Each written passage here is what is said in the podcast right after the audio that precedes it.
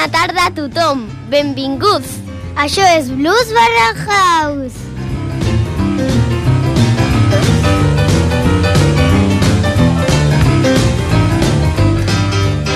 Transmitint en directe des de Ripollet Ràdio.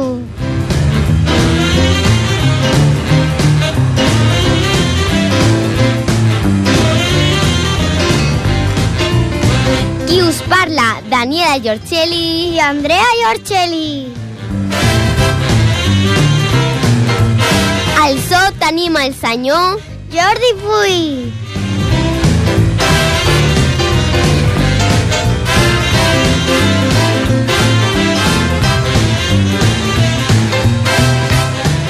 Avui el fil conductor serà Els oblidats de Blues Barra House.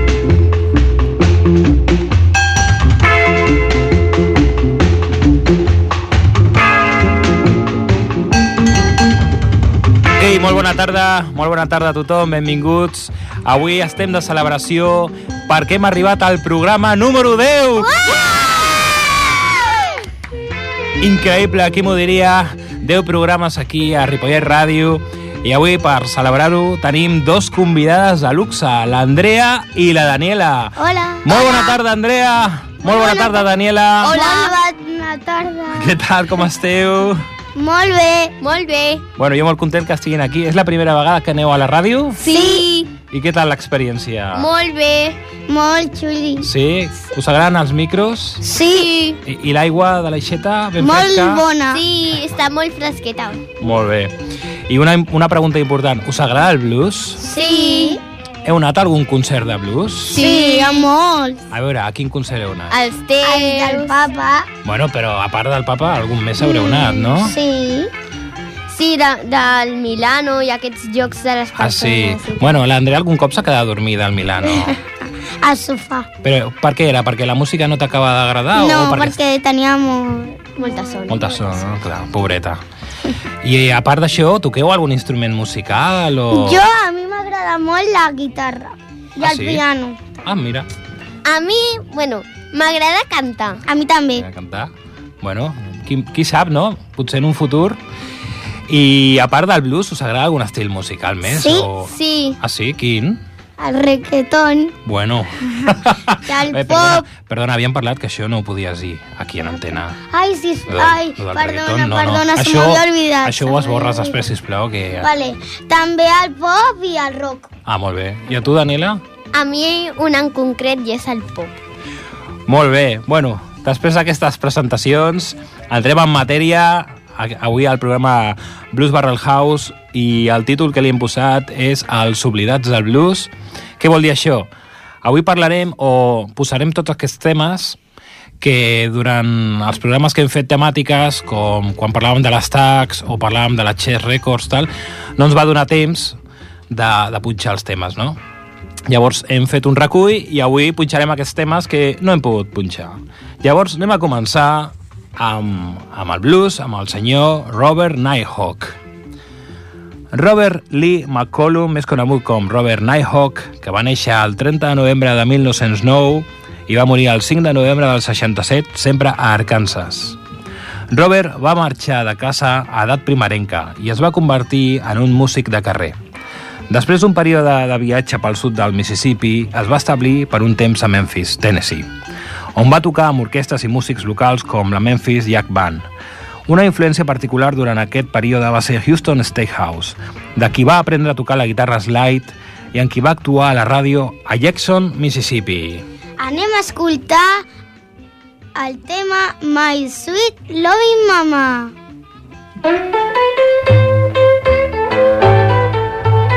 I've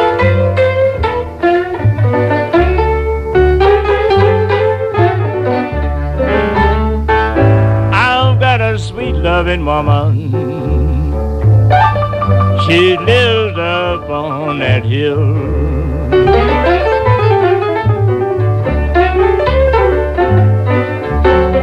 I've got a sweet loving woman. She lives up on that hill.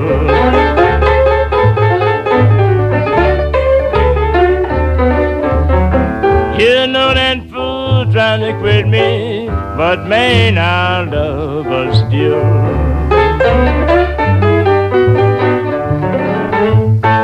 Yes, there's one thing about you women that I can't understand.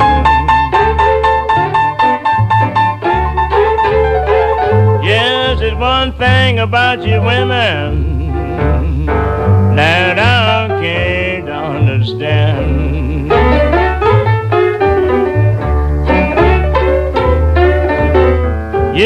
cornbread for your husband and biscuit for your man.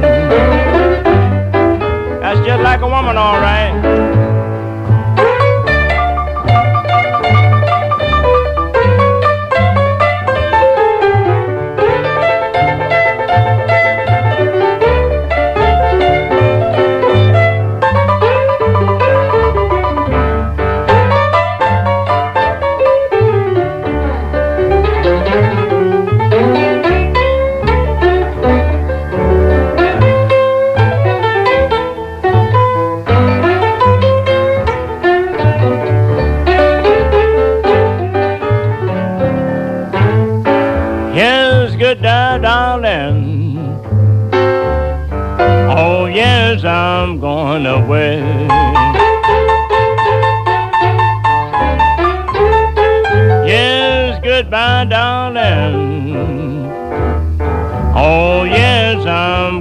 Away.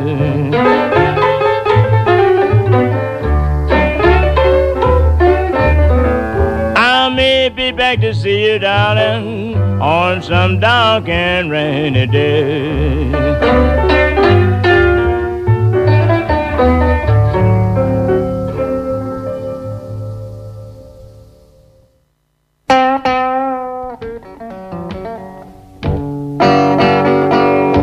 Sugar mama, sugar mama.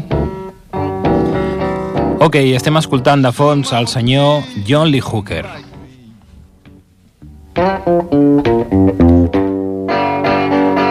Lee Hooker va néixer al Mississippi l'any 1912 i va morir a Califòrnia 2001. Estem parlant d'una institució dins del món del blues. Jolly Hooker va néixer a una granja a prop de Clarksdale, Mississippi. Sent nen, la seva família es va traslladar a una altra granja en una plantació bananera propera, on va conèixer els bluesmen Snooky Pryor i Jimmy Rogers. L'any 1928, els seus pares es van separar i John va ser l'únic germà que va quedar a cura de la seva mare, la qual també va marxar de casa durant un temps. Quan aquesta va tornar, ho va fer amb el músic local de blues William Moore, que va ensenyar a John a tocar la guitarra quan tenia 13 anys. Hooker va relatar posteriorment que gràcies a ell va conèixer, de petit, a llegendes com Brian Lemon Jefferson o Charlie Payton, que anaven de visita a casa seva. L'any 1931 decideix emigrar cap al nord industrial, igual que feien molts altres negres del sud en aquella època. Primer va recalar a Memphis, on va viure a casa d'una tieta, que treballava en cinemes locals i va tocar amb Robert Lockwood. El 1935 es va traslladar a Cincinnati, on alternava treballs d'enllustrador o d'acomodador en teatres amb actuacions en grups de gospel. Després d'un període a l'exèrcit, es va instal·lar a Detroit durant la Segona Guerra Mundial. L'any 1943, on aconsegueix una feina a la indústria de l'automòbil, el sou ho aconsegueix completar cantant en bars dels suburbis. La carrera musical de Hooker va començar l'any 1948, quan va aconseguir l'èxit amb el single Boogie Chillin', cantat en un estil mig parlat que es convertiria en característic. Rítmicament, la seva música era molt lliure, característica que ha estat comuna entre els primers músics acústics del blues del Delta. L'any 1955 va acabar el seu contracte amb Modern Records i va fitxar per la companyia BJ de Chicago, que va publicar els clàssics Dumples i Boom Boom. Ja l'any 1980 va aparèixer en la pel·lícula dels Blues Bro- Brothers interpretant el tema Boom Boom. Anem a escoltar el tema I'll Never Trust Your Love Again. I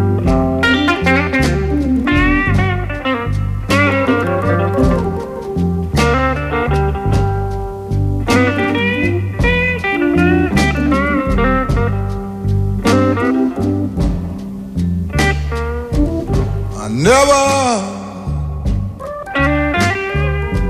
trust your love again. I never, never trust your love again.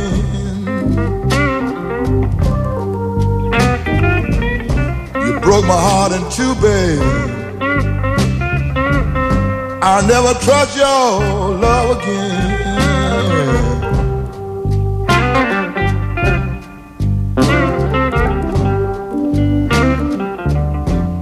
Seven days a week I work for you, babe. I give you all I could afford.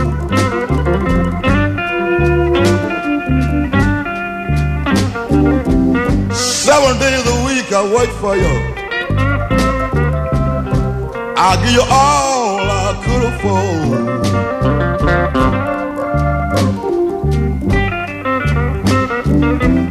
I'll come home in the evening time. All you did was fuss and fight.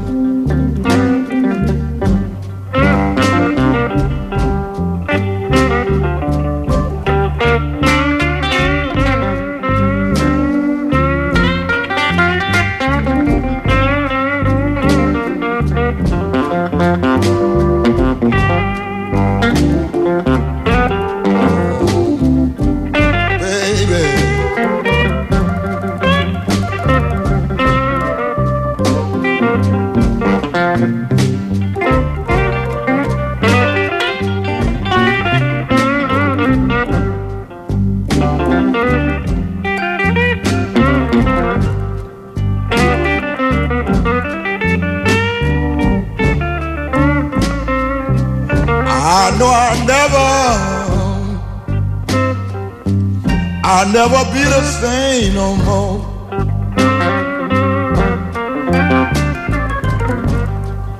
Never, never be the same no more.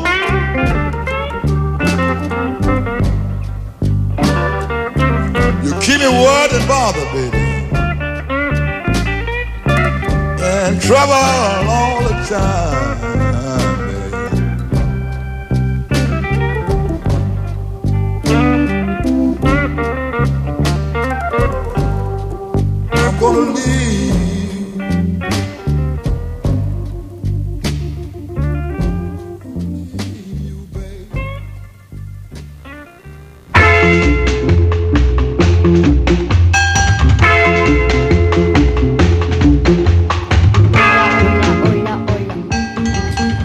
Ok, continuem la travessia avui parlant dels temes oblidats de Blues Barrel House i de fons hem seleccionat un tema del senyor Junior Wells que es diu Cha Cha Cha in Blue.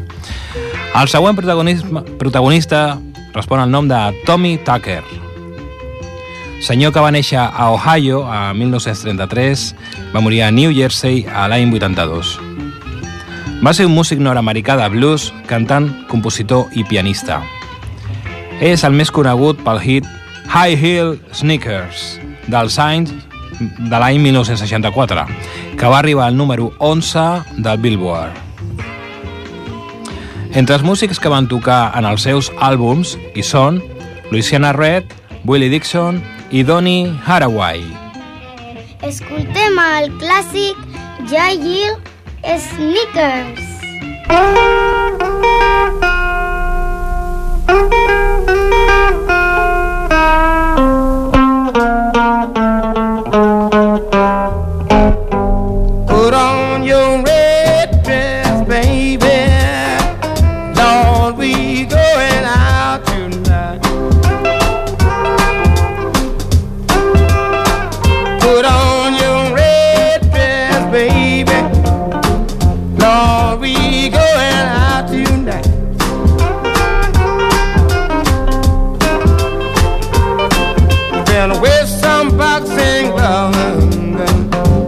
case some fool might wanna find.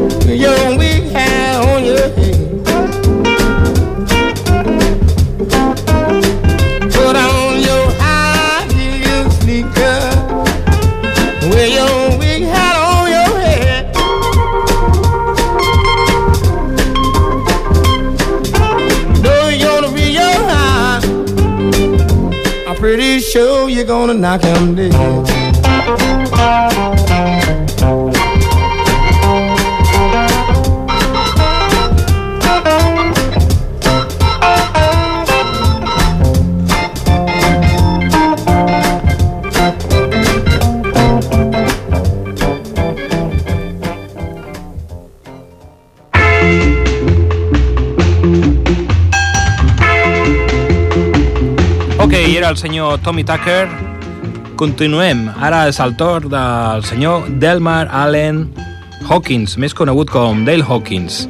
Nascut a Louisiana l'any 1936 i va morir a Arkansas el 2010. Bé, m'agradaria comentar, mencionar, previ a això, que ara estem tractant dels temes que vam mencionar en el seu dia en el programa de la Chess Records del llegendari celler de Chicago de Blues.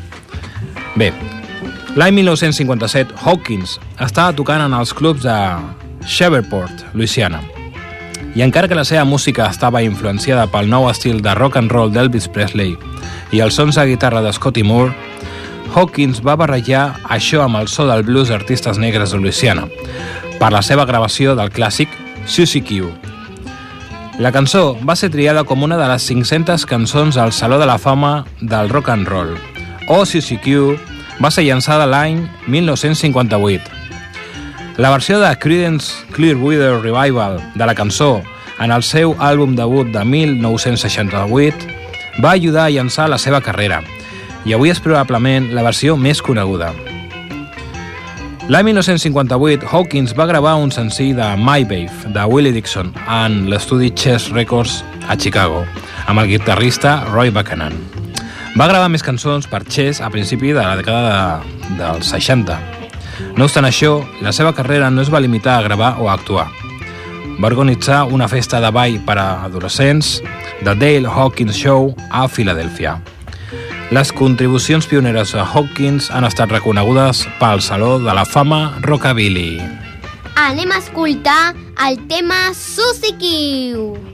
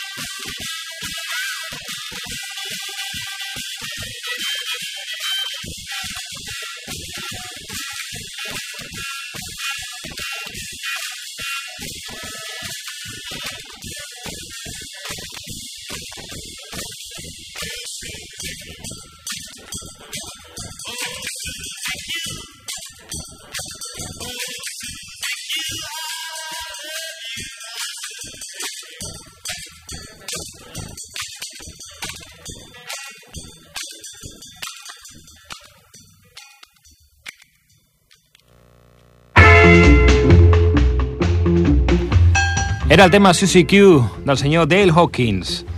Ok, continuem a Blues Barrel House. Ara és el torn al senyor Otis Rush. Ningú en tot el catàleg de blues als anys 50 va aconseguir expressar amb la guitarra elèctrica un desig sexual tan encès com Otis Rush.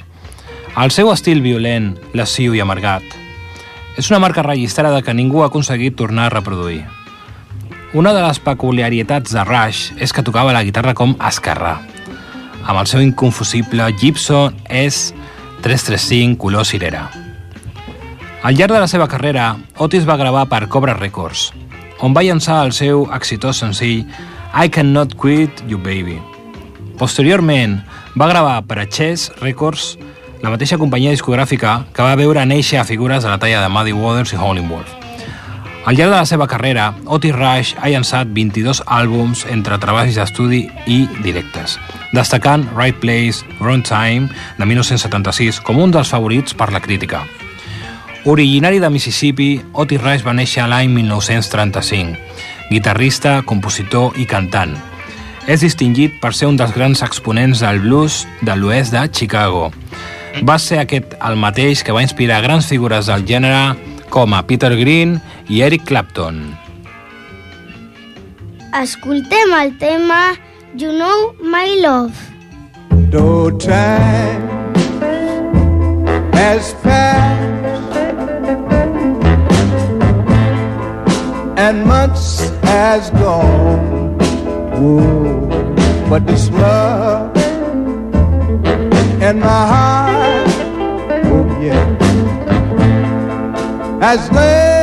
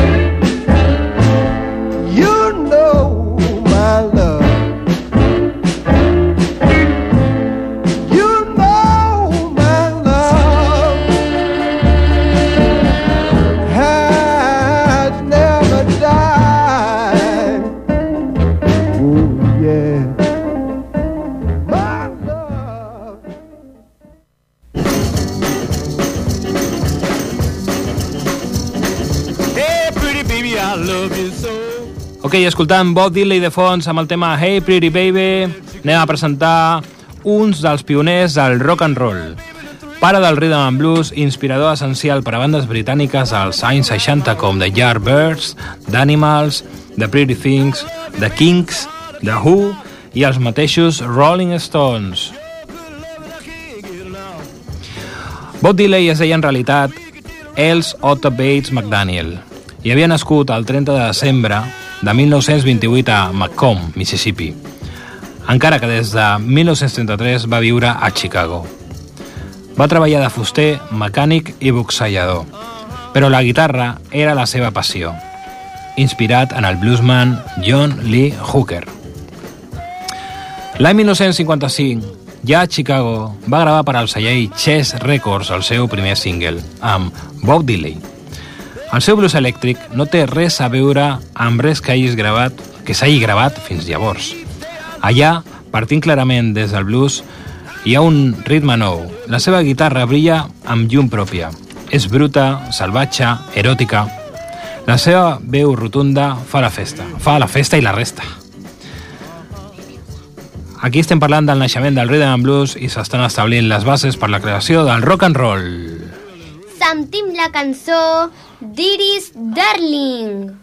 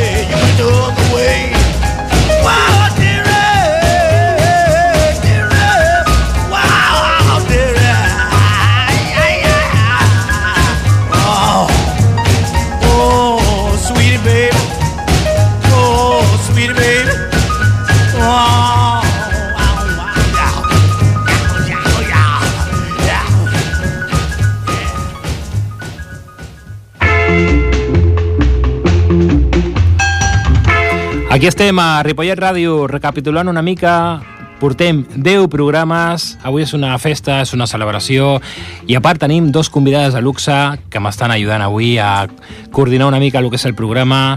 Per una banda tenim la Andrea. Hola! Què tal? Què et sembla això de... Molt bé, molt xulo. I ja t'aclares amb les cançons que estem puntant? Bueno, liu una miqueta, però sí, sí. L'anglès què? Què? Com ho portes? Bueno, molt bé, molt bé. Bueno, no, no gaire millor que jo, penso. I tu, Daniela? El què? Què, què et sembla? Aquesta experiència... Bé, Eh? bé, m'agrada. Mira, tenim tècnic de so, eh, i tot. Hola! Està el Jordi. Hola. Bueno, ok, continuem llavors. Aquí al programa número 10 de Ripollet Ràdio. Per cert, tenim un telèfon del directe per si algú vol trucar. Està convidat. Ho puc dir? Anem a dir el telèfon del directe. Vale. Nu 93 Sí, 93, fora de Barcelona, què més? 594 21 64. Exacte, 93 594 2164. Si algú vol trucar per, no sé... Truqueu, truqueu, que és molt xulo. fer alguna petició o alguna queixa o, o vol aportar alguna cosa o vol comentar sobre la visita del rei O vol treballar que, aquí. que, que s'està liant aquí a la Diagonal que jo preferiria que, Que tenim que una tele que, que s'està liant aquí, mare Sí. meva. jo preferiria que el rei fos B.B. King però bueno, eh, són els temps que corren Ok, continuem amb el programa, si plau. Bé, anem a parlar del senyor Sonny Boy Williamson, segon. Alec Ford, més tard, Rice Miller. Conegut com Sonny Boy Williamson II, va néixer a Glendora el 5 de desembre i del 1900, 1897 i va morir a Helena el 25 de maig del 1965. Va ser un poeta, músic, cantant i compositor nord-americà que ha estat considerat com la última llegenda del blues. No s'ha de confondre amb John Lee Williamson, que aquest era conegut com a Sonny Boy Williamson I. L'any 1941, Miller va ser contractat per actuar a l'espectacle King Biscuit Time. La publicitat d'una marca de galetes a l'estació de la ràdio KFFA Helena amb Lookwood va ser aquest moment que el productor del programa de ràdio, Max Moore, va començar a denominar Miller com a Sonny Boy Williamson. Pel que sembla, en un intent de capitalitzar la fama del conegut cantant i intèrpret d'harmònica a Chicago, John Lee Williamson amb el mateix nom artístic. Va treballar al costat d'artistes de la categoria de Muddy Waters, The Band, Willie Dixon, Jimmy Rogers i Otis Spann. A començament dels anys 60 va romandre algun temps a Anglaterra, on va gravar amb nombrosos grups i artistes com The Animals o Jimmy Page. Escoltem el tema Bring It On Home.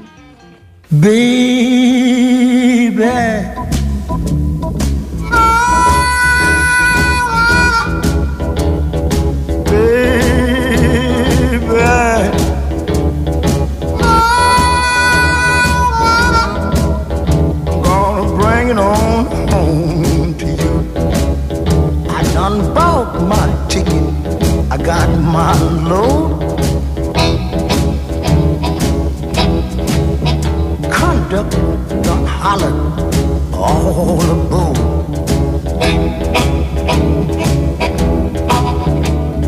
Take my seat right way back. And watch this train move down the track.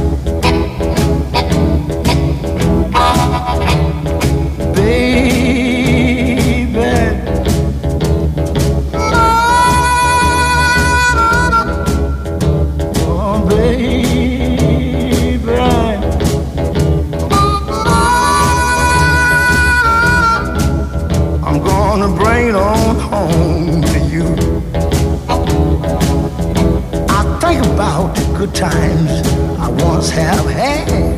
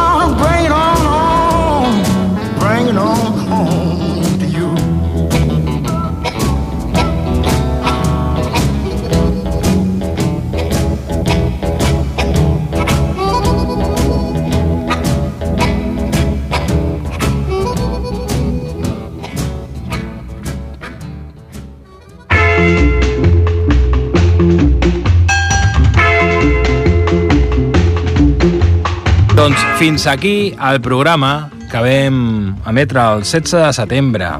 Ara passem, que llavors parlàvem de Chess Records, ara passem al programa que vam emetre el dia 28, no fa gaire, d'octubre, on parlàvem sobre les orquestres de jazz i les big bands. Anem a parlar del senyor Lester Elliot Elgar, senyor que va néixer a Connecticut 1917 i va morir a Dallas, Texas, 1995. Va ser un trompetista i líder nord-americà de jazz swing. Va començar a tocar la trompeta quan era adolescent i tocava professionalment a l'edat de 20 anys. Durant la dècada de 1940 va ser membre de bandes dirigides per Raymond Scott, Charlie Spivak i Harry James, i ocasionalment es va trobar al costat del seu germà Larry. Van formar el conjunt Les and Larry Elgart l'any 1945, contractant a Nelson Riddle, Ralph Flanagan i Bill Finnegan per escriure els arranjaments. No obstant això, la unió va durar poc a causa de la vaga de Musicians Union i la disminució de la popularitat del swing jazz. El conjunt es va dissoldre l'any 1948.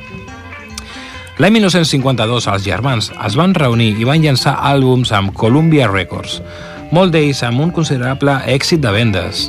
Entre les seves cançons populars es trobava Bandstand Boogie, que va ser utilitzada per Dick Clark com la cançó principal del programa de ball televisiu American Bandstand.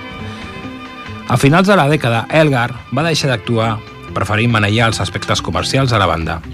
Els germans es van reunir novament l'any 1963 contractant els arranjadors Charles Albertine i Bobby Scott per a una música que podria classificar-se de fàcil escolta. Sentirem ara el tema Tree.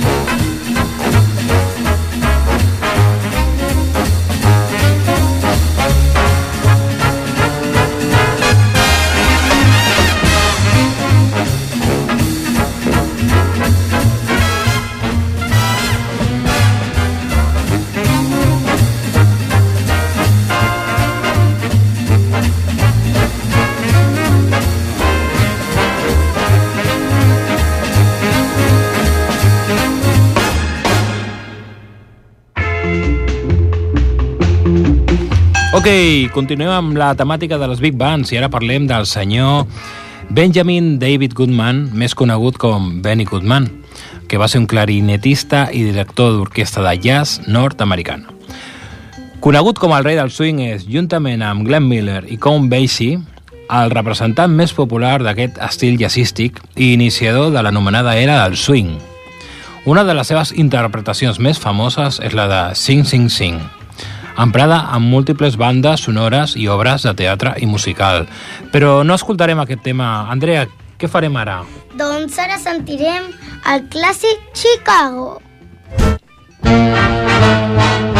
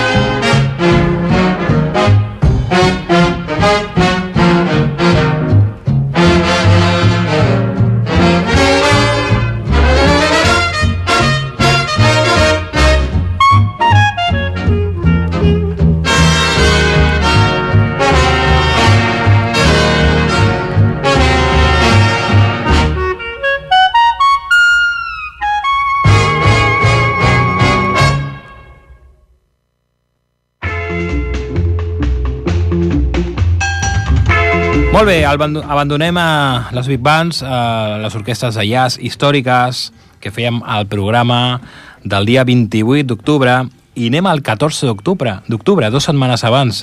Llavors en aquest programa parlàvem de la història del Boogie Boogie. Boogie Boogie Piano, aquest estil hot, eh, inicialment creat per pianistes només, que més endavant va tindre una febre a tots els Estats Units. I parlarem d'un senyor que es diu Sylvan Think. Aquest és un pianista contemporani, ell és suís, ell mateix es descriu com l'ambaixador del Boogie Boogie a Suïssa. És un senyor que ha participat en festivals per tot el món, és un especialista en el Boogie Boogie i també organitzador d'un dels festivals de Boogie Piano més prestigiosos que es celebra a Lugano, Suïssa, encara que ara crec que fa dos, dos anys que, que no s'està no fent. Ok, anem a escoltar un tema, Daniela, d'aquest senyor. Escoltem la cançó Jumping the 80s.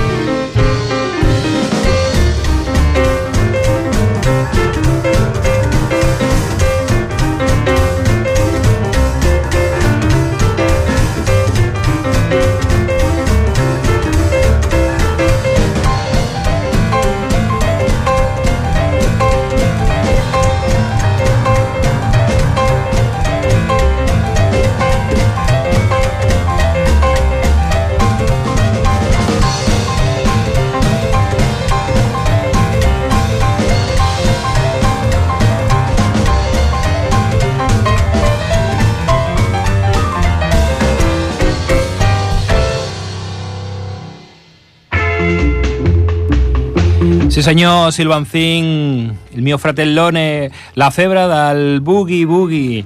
I si estem parlant de Boogie Boogie, no ens podem descuidar de també un pianista contemporani d'aquí d'Europa, del senyor Axel Swingenberger. Aquest és un senyor alemany, compositor de blues i de boogie-boogie, va néixer a Hamburg i va gaudir d'11 anys de formació en piano clàssic. Però, després d'escoltar enregistraments dels pianistes Pete Johnson, Albert Ammons i Milius Lewis, es va convertir en un músic especialitzat en boogie-boogie. L'any 1974 va actuar amb els pianistes Hans Georg Müller, Vince Weber i Martin Pirker al primer Festival Internacional de Blues i Boogie Boogie a Colònia, Alemanya Occidental. També va tocar en els Stars of Boogie Boogie i al Festival Han Minter. Ha treballat amb gent com Champion Jack Dupree, Lloyd Glynn, Lionel Hampton, Jay McShann, Joe Newman, Sammy Price, Big Joe Turner, C.P. Wallace, Charlie Watts, Vince Weber, Mama Yancey, bé, etc etc etc. Què fem, Andrea? Escoltem un tema o no? Escoltem la cançó Chicago Flyer. Uh!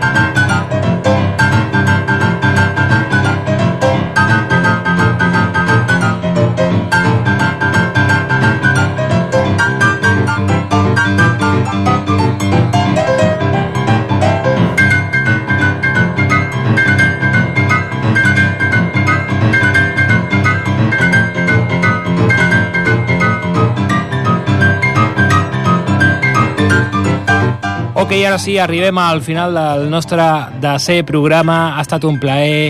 Hem tingut dos convidats de luxe, en, que- en aquest cas dos convidades, la Daniela Iorcelli, Hola. la Andrea Iorcelli també. Oli. Què tal l'experiència a la ràdio? Molt, molt bé! Però jo no me'n vull anar. Voleu tornar un altre dia? Sí! Sí! Doncs esteu convidades quan vulgueu. Bé! Bueno, avui he vingut perquè no teníeu col·le, però un altre dia, jo no sé, haurem d'esperar les vacances o el Nadal. O, o, o si no, ens saltem les classes de, del musiquer. Bueno, moltes gràcies. Qui us parla, David Giorcelli, gràcies a en Jordi Puy, al Toni Miralles, i ens eh, acomiadarem amb un dels pianistes més reconegut de casa nostra. Ell es diu Lluís Coloma. Eh, necessitaria més de temps per parlar d'ell, però bueno, podríem dir que és eh, dels músics més reconeguts, no només aquí a, a casa nostra, sinó a nivell internacional. I què farem? Posem un tema del senyor Coloma? Boogie, boogie,